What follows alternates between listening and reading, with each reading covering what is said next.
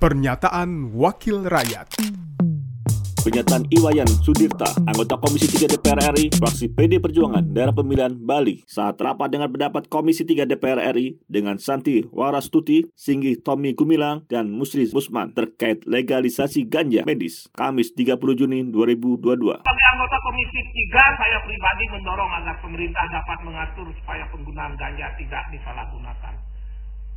Pak Desmond, agar kami tidak dianggap menjadi sponsor mafia ganja, kami juga menyampaikan hal yang kedua bahwa penggunaan ganja jangan disalahgunakan, tapi untuk medis ya.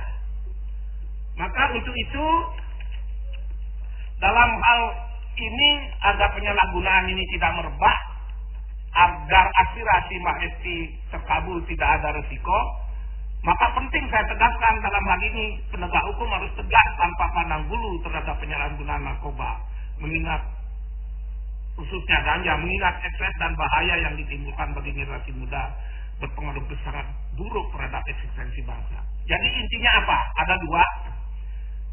Kita mendukung ganja medis telah melalui pengkajian. Ini sesuai dengan pernyataan Wakil Presiden. Yang kedua apa? Tetap memproses hukum penyalahgunaan ganja. Penyalahgunaannya itulah yang kita proses. Bukan penggunaan medisnya yang kita halangi. Terima kasih. Pernyataan Iwayan Sudirta, anggota Komisi 3 DPR RI, fraksi PD Perjuangan, daerah pemilihan Bali, produksi TV dan radio parlemen, Biro Pemerintahan Parlemen Sekjen DPR RI. Pernyataan Wakil Rakyat